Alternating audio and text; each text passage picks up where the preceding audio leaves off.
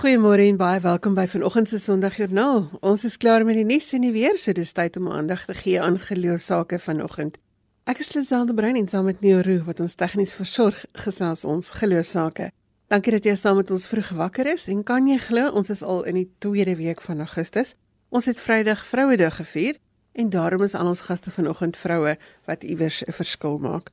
Ons gesels met die sangeres Marie de Tooi oor die ops en die afs van die lewe en die redakteur van die Christelike Vrou Hanelie Botha vertel van hulle werk by die Nederduits Hervormde Sustersvereniging.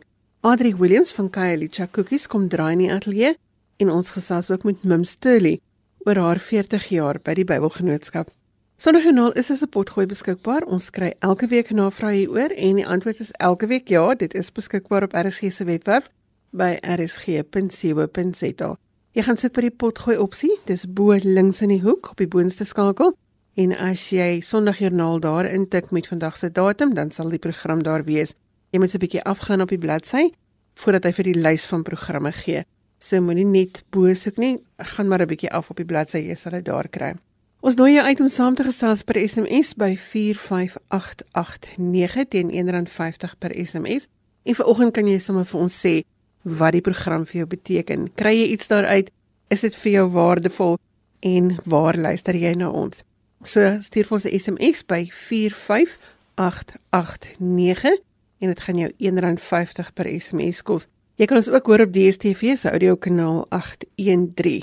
Jy kan saamgesels op Facebook. Ons sit elke donderdag ons program se inligting daar en dit is ook so teen Vrydag gelaai op RSG se webblad by rsg.co.za.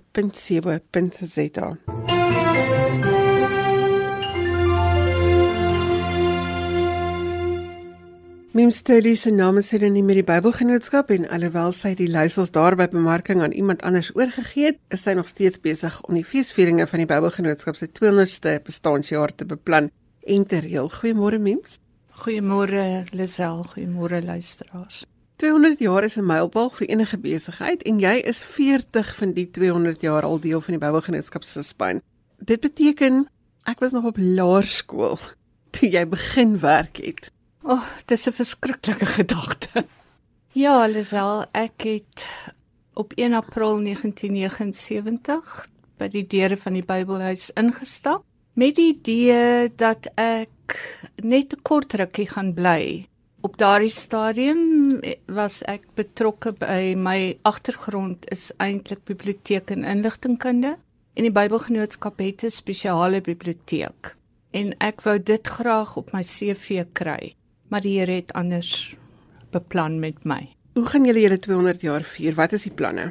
Drie dinge wat ek miskien kan uitlig is 14 van die kerkgenootskappe het positief gereageer dat ons in Suid-Afrika volgende jaar dit as 'n amptelike jaar van die Bybel herdenk. Dat ons as Christene weer 'n slag op die Bybel fokus.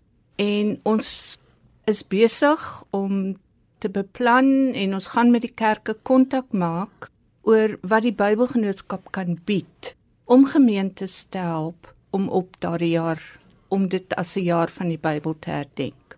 Dan natuurlik ons eie 200ste bestaanjaar.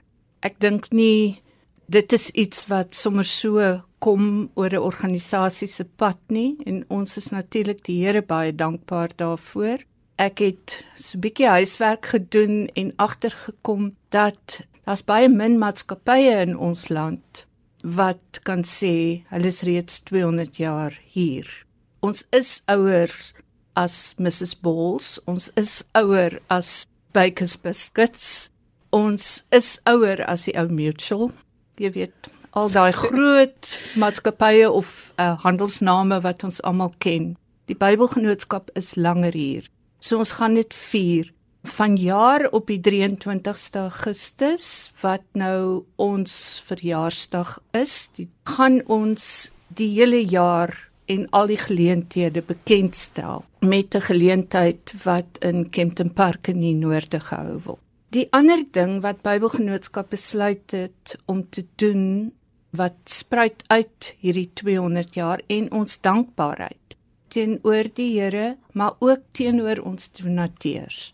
Het ons besluit om Ons noem dit die 2 miljoen Bybels projek. En ons het besluit dat oor die volgende 2 jaar gaan ons dit vir mense moontlik maak om skenkings aan die Bybelgenootskap te maak vir twee spesifieke goed. En die een is vir Bybels 23 miljoen Bybels word nog benodig in ons land. Volgens 'n Ipsos navorsing wat omtrent 2 jaar gelede gedoen is, is daar 5% van Christenhuishoudings in Suid-Afrika wat glad nie 'n Bybel het nie.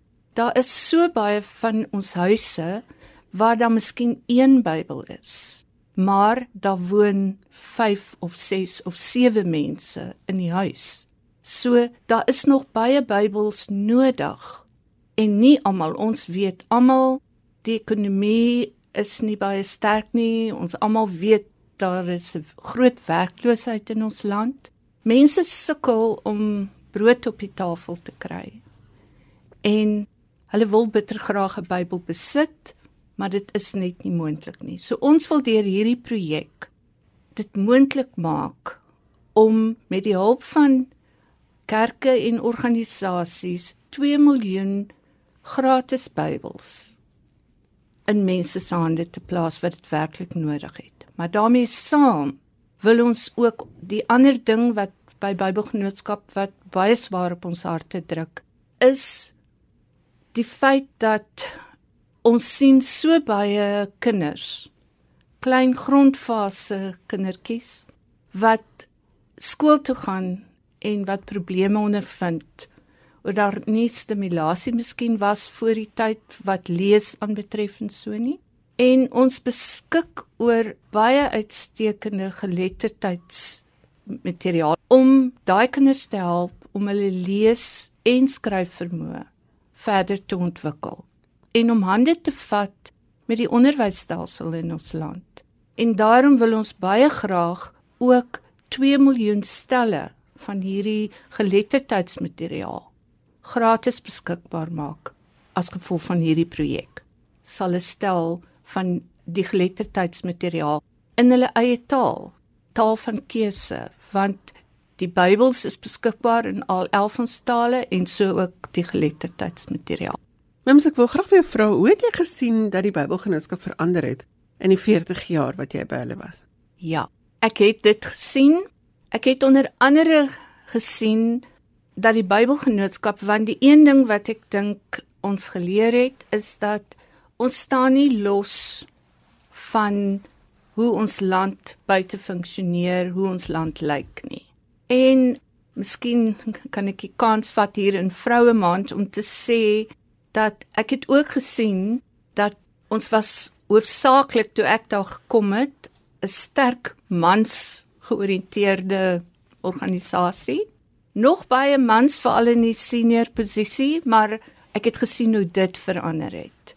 Maar weet jy, Lisel, ek kan eerlik sê, van die eerste dag wat ek by Bybelgenootskap ingestap het, het Bybelgenootskap 'n missie en 'n visie gehad.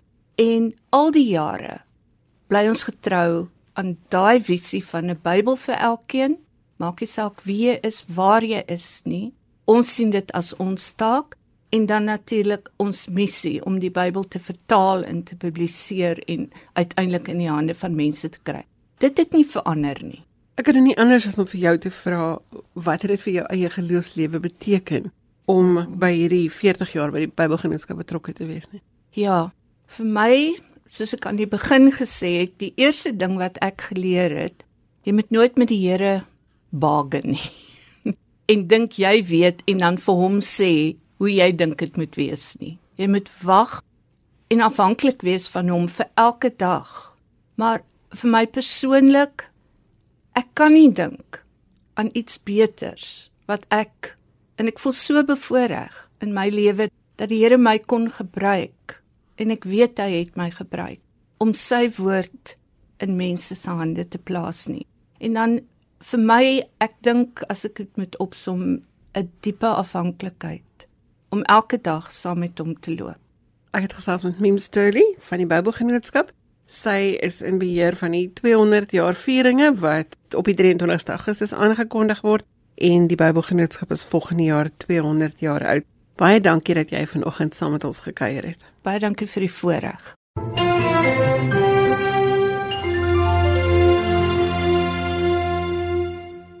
En so gesels Mim Sturley van die Bybelgenootskap. Gaan kyk gerus na hulle webwerf vir inligting. Die adres daar is bybelgenootskap.co.za. As jy sopas ingeskakel het, sê ons goeiemôre. Die program is Sondagjoernaal waar ons vroegoggend hoor wat die rol is wat geloof in mense se lewens speel. Gemaak gerus 'n draai op RSG se webblad by rsg.co.za vir inligting oor vandag se gaste en onderwerpe. Die sangeres Maride Toy se stem is nog net so mooi soos altyd. Alhoewel dis winter in die Kaap, Marie. Ja. Ons almal kan dit hoor in ons almal se stemme, maar jou stem is nog net so mooi soos altyd. Ach, ons het dit lanklaas op die verhoog gehoor. Sy is vanoggend hier by ons in die ateljee en ons gesels oor die opsien afs van die lewe. Goeiemôre Marie. Môre Lisel, is heerlik hier so by jou hoor. Marie, ons gesels oor die opsien afs. Niemand kies om met bipolariteit te leef nie. Verduidelik vir ons wat is dit? Ja, bipolariteit, dit is 'n geestestoestand waar daar weens 'n uh, chemiese balans uh, of wanbalans 'n probleem ontstaan wat die emosie gedagtes aanpak en daar ontstaan ekstreems vreeslike op en af. Ons praat van die depressies en die maniese dele. Dit was destyds uh, bekend as maniese depressie. So bipolariteit is nogal 'n ernstige geestestoestand wat mense se lewens aantas op soveel vlakke. Op jou gesondheid, jou verhoudings, jou besluitnemings, dit um, kan jou finansies afekteer en ongelukkig wanneer die depressie dele verskriklik laag tref, kan dit lei na selfmoord. Nou wanneer het jy agtergekom dat dit ook in jou lewe teenwoordig is? Weet jy, ek het nooit eers geweet daar bestaan iets soos bipolêr nie. Ek het baie jare aan depressie gelei. Ek het eintlik as 'n ou in hindsight teruggaan as kind reeds aan depressie gelei en ek het as volwassene genade Lisel, ek het seker vir 20 jaar depressie medikasie geneem, jy weet 'n postnatal depression en en en ongelooflik baie selfmoordgedagtes gehad. Maar daar het nooit iets gehelp nie. Jy weet nie net medies nie of of jy weet ek het 'n counselling ontvang en so en alles op geestelike vlak, op fisiese vlakke, terapeutiese vlakke niks het gehelp nie. En toe is ek in 2008 gediagnoseer met bipolêr en wie skielik het baie dinge meer sin gemaak want die probleem is met bipolariteit jou maniese vlakke word bitter min raak gediagnoseer mense dink, "O, jy's net vreeslik vrolik of baie emosioneel of jy raak nou maar net kwaad want jy's 'n autist, jy weet." Hulle sien nie die gevare in die maniese deel nie en dan word net die depressiewe kant behandel. En ja, as jy net die depressie behandel, kan die maniese vlakke oorboord gaan. So ja, dit is nogal 'n skerry ding om agter te kom ek het so iets en dat dit 'n naam het. Maar dis oukei okay, want ek sit nog hierso. Maar help dit dat dit 'n naam het? Hoe hou 'n mens kop bo water? Weet jy, ek dink die feit dat daar baie navorsing gedoen word en dat daar al hoe meer inligting beskikbaar is oor geestestoestande is baie goed. Dis baie moeilik baie keer om kop bo water te hou, ek moet vir jou eerlik sê, want jou medikasie onderdruk baie dinge. Kyk as as ek nou vir die man op straat moet verduidelik, 'n ou se brein het mos 'n half jou senter vlak. En dan gebeur normale emosies net so bokant en net so onderkant daai vlak.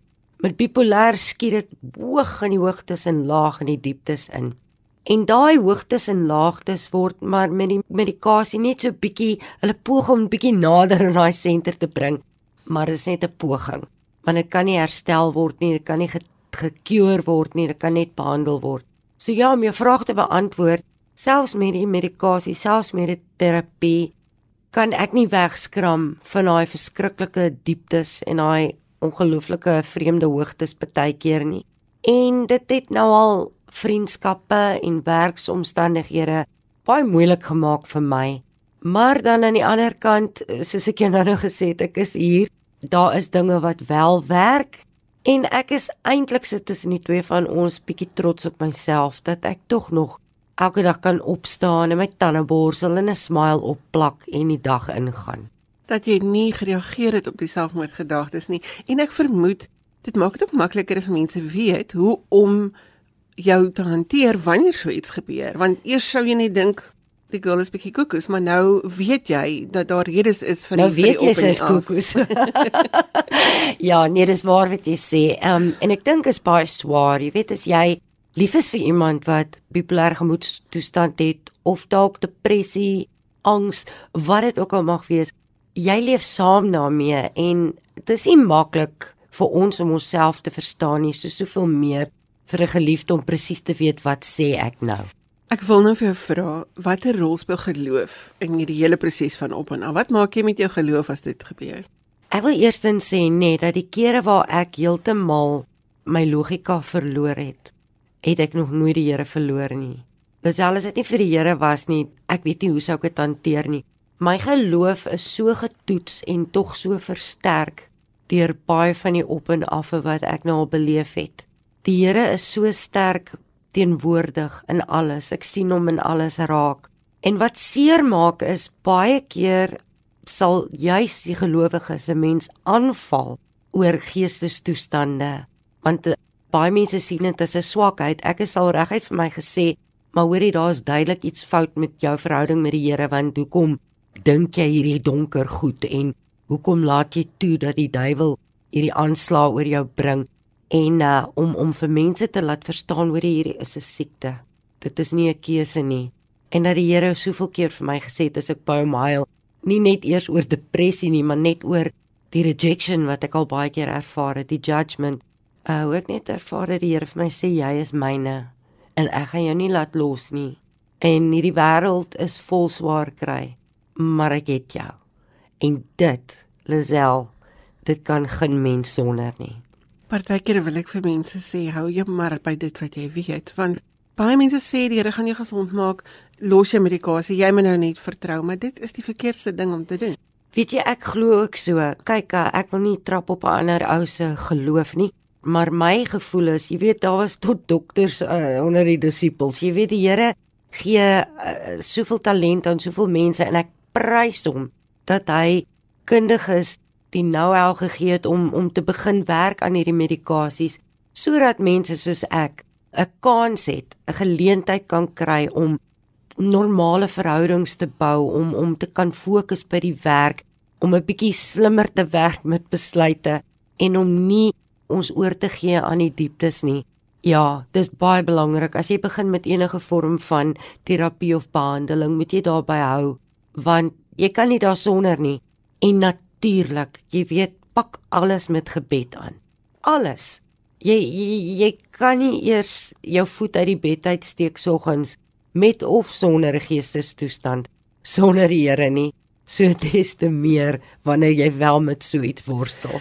Maar jy en Bram Potgieter, 'n ander bekende naam hier in die Weskaap het besluit om nie net terug te sit nie. Julle praat en julle sing en julle vertel juis van hierdie ops en hierdie afs. Hoe het hierdie projek ontstaan? Ja, dis nogal interessant. Ek het seker so 10 jaar gelede het ek heeltemal van die verhoog af begin wegbly. Ek het op daai stadium geestelike musiek gesing en uh, die judgement was baie erg en ek het baie onseker gevoel. So depressie het my 'n bietjie weggeruk. En verlede jaar, toe word ek in oggend wakker asof die Here vir my sê, "Marie, luister, jy het nou medikasie. Jy kry baie hulp en baie terapie. Ek is hier vir jou. Kom. Gaan haal daai stem. Ek sê jou dra." En ek so bly dit gedoen. En toe het ek al hierdie goue ou liedjies wat my pa destyds vir my voorlaat liefraak het, gevat en begin speel met die woorde en dit 'n bietjie gebipolarize. Toe het ek vir ou Braam genader en gesê, "Dude, sien jy kans om saam met my op te tree?" En gelukkig sê hy toe ja. En nou lewer ons hierdie program Crazy uh Golden Oldies with a touch of bipolar. En dit is so 'n bietjie lag met 'n traan. Dis baie gesels oor wat bipolêr is en baie liedjies wat 'n uh, 'n bietjie bietjie skerts, maar ek dink dis dis vir my belangrik dat ek vir mense bewus maak van bipolariteit sonder om dit 'n swaar uh droewige saak te maak om vir hulle deur musiek en 'n bietjie komedie en 'n paar trane hier en daar baie belangrike inligting oor te dra. En ook net deur kennis, kennis want jy het eerstehands kennis daarvan. Die Kaapstad Universiteit gebruik ook julle program om bewusmaking te doen vir al by die studente Ons adverteer nie gewoonlik byvoorbeeld nou 'n musiekproduksie wat mm. wat gebeur of of wanneer iemand 'n boek geskryf het nie, maar hierdie het 'n baie baie spesifieke doel. Kry jy terugvoer van mense wanneer jy optree? Ja, weet jy, ek het nogal wonderlike terugvoer gekry van mense, gehoorlede wat of self uh, onlangs gediagnoseer is met bipolêr. Fooi tog daar was byvoorbeeld 'n ou tannie by 'n ouete huis wat onlangs aan my toe gekom het en gesê het my kind, die dokter het nou die dag vir my gesê en ek het nie geweet wat dit is nie en nou verstaan ek wat dit is. Wat my hart laat smelt het. Baie mense wat kom gesels is mense wat eintlik uh, niks daarvan geweet het nie. Nie besef het eintlik waaroor die show gaan nie en uh, gesê dankie vir al die inligting en dit was so lekker.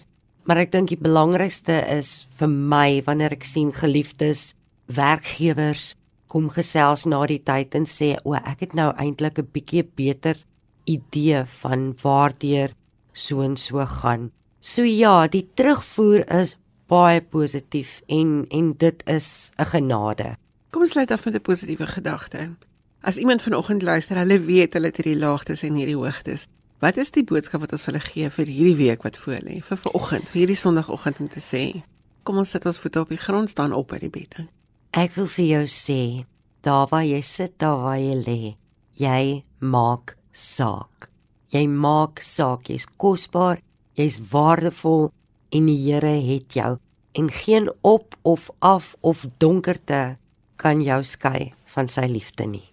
En so gesels Marie de Tooi wat terug is op die verhoog nie net om te vermaak nie, maar ook om mense bewus te maak van die invloed van bipolariteit op 'n mens se lewe. Kontak gerus vir Bram by 0824464800 as jy hulle iewers wil gebruik terwyl die fokus op geestesgesondheid maand wat voorlê, dis in Oktober. Jy kan hom kontak by 0824464800 of jy kan vir Marie 'n e-pos stuur en daardie adres is Marie, dis M A R I E soos in Marie by stemkunsenliriek.co.za en dis alles een woord Marie Marie at stemkunsenliriek.co.za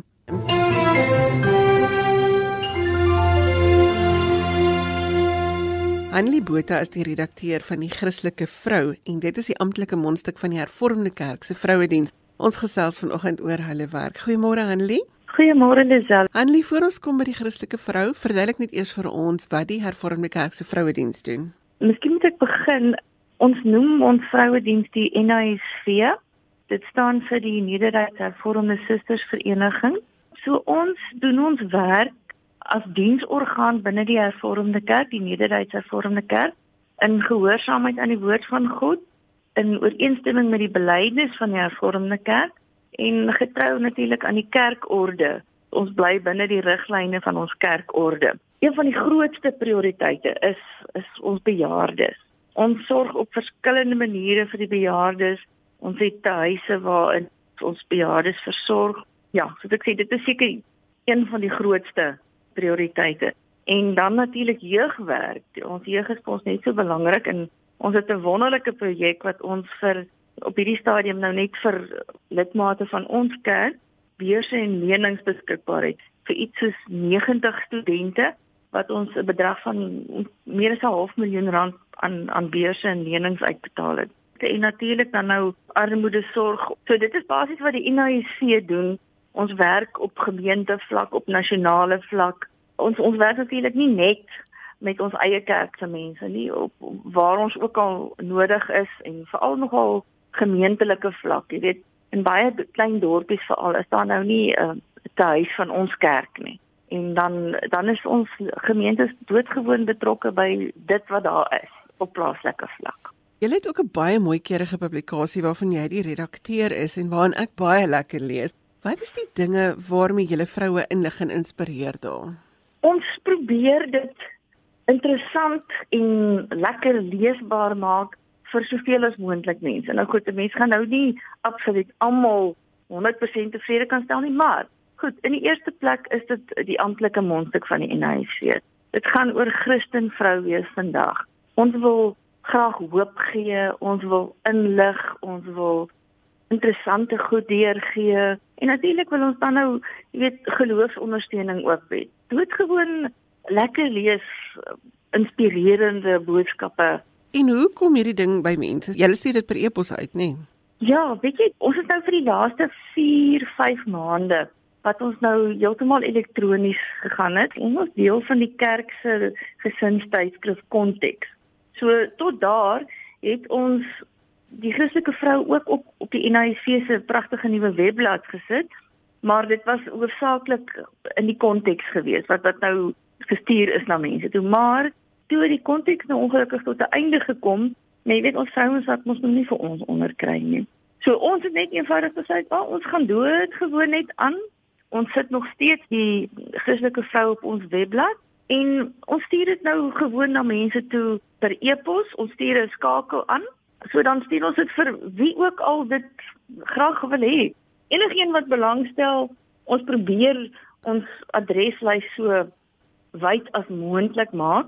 En maar nou weet ons ook natuurlik daar is veral van die ouer mense wat nou miskien fone het wat nie dit elektronies kan ontvang nie. Ons stuur nog steeds vir sekere mense PDF wat dit nie kan op die webblad gaan haal nie, dis wat ek bedoel. En daar is gemeentes wat gewoon dit dan uitdruk en op hulle kennisgewingborde sit of dit selfs gewoon beskikbaar maak vir enige een wat dit wil hê in harde kopie.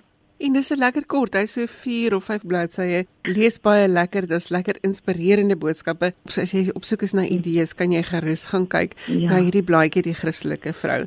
Anne, jou boodskap van hoop en inspirasie vir die vroue terwyl dit nou Vroue Dag, Vroue Maand is waarop ons net op vroue dinge konsentreer. Wat sal jou inspirasie boodskap wees vir die week wat voorlê?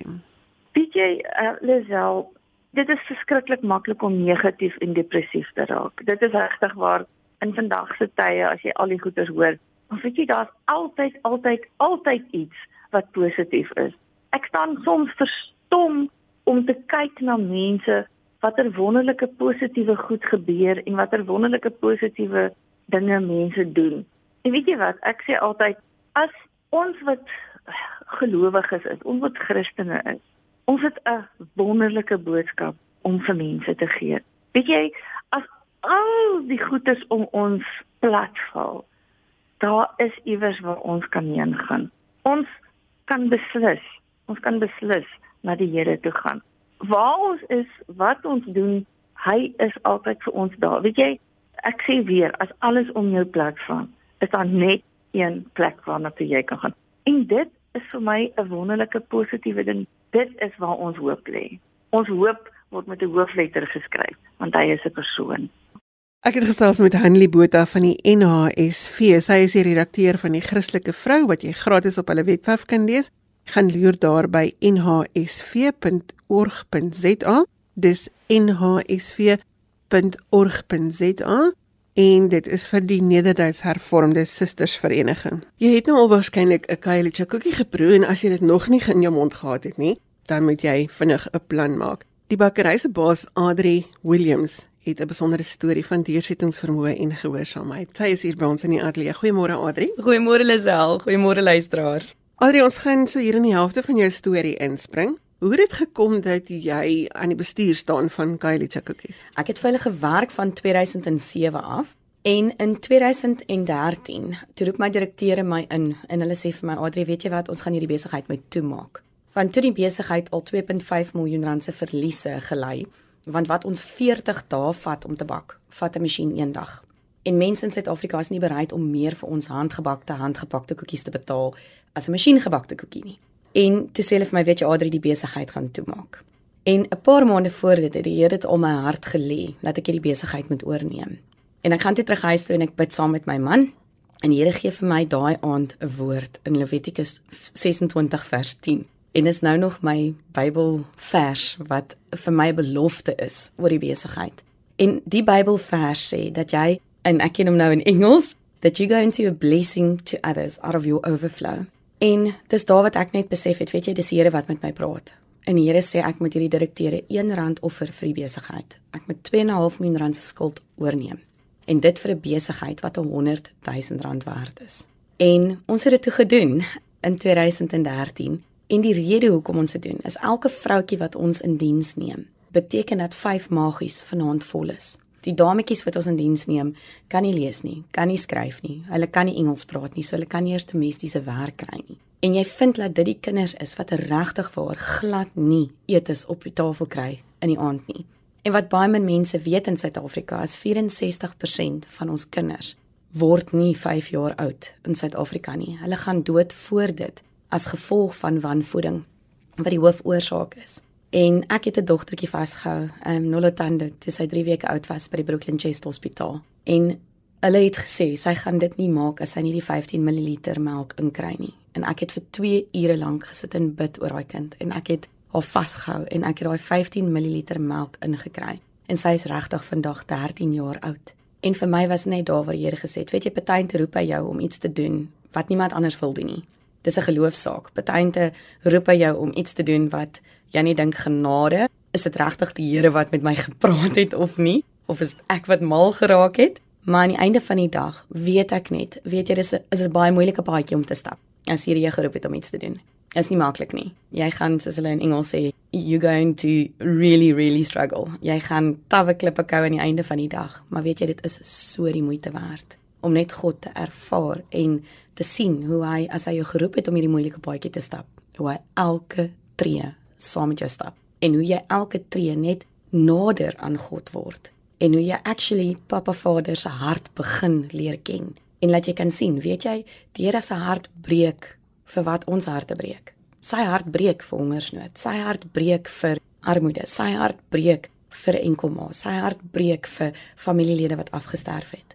Sy hart is stik in saam met ons. En so snaaks as wat dit is, people break people, but God uses people to heal people.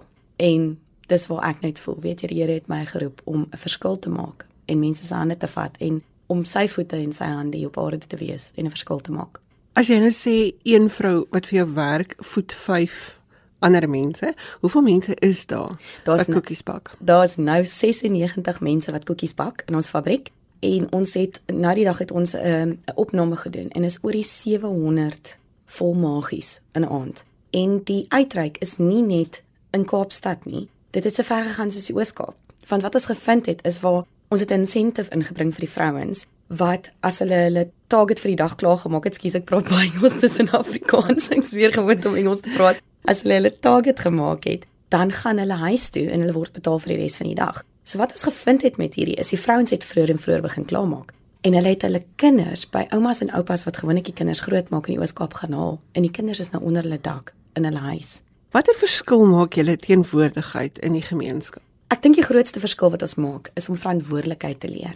Ons is en dit is my hartdoel is om mense te leer hoe om vis te vang en nie noodwendig die vis te gee nie. En ek dink baie mense weet nie wat die verskil is tussen die twee nie. Jy weet want as mens dink ek het God ons geskaap dat ons wil help, ons wil betrokke raak, maar jy moet reg betrokke raak.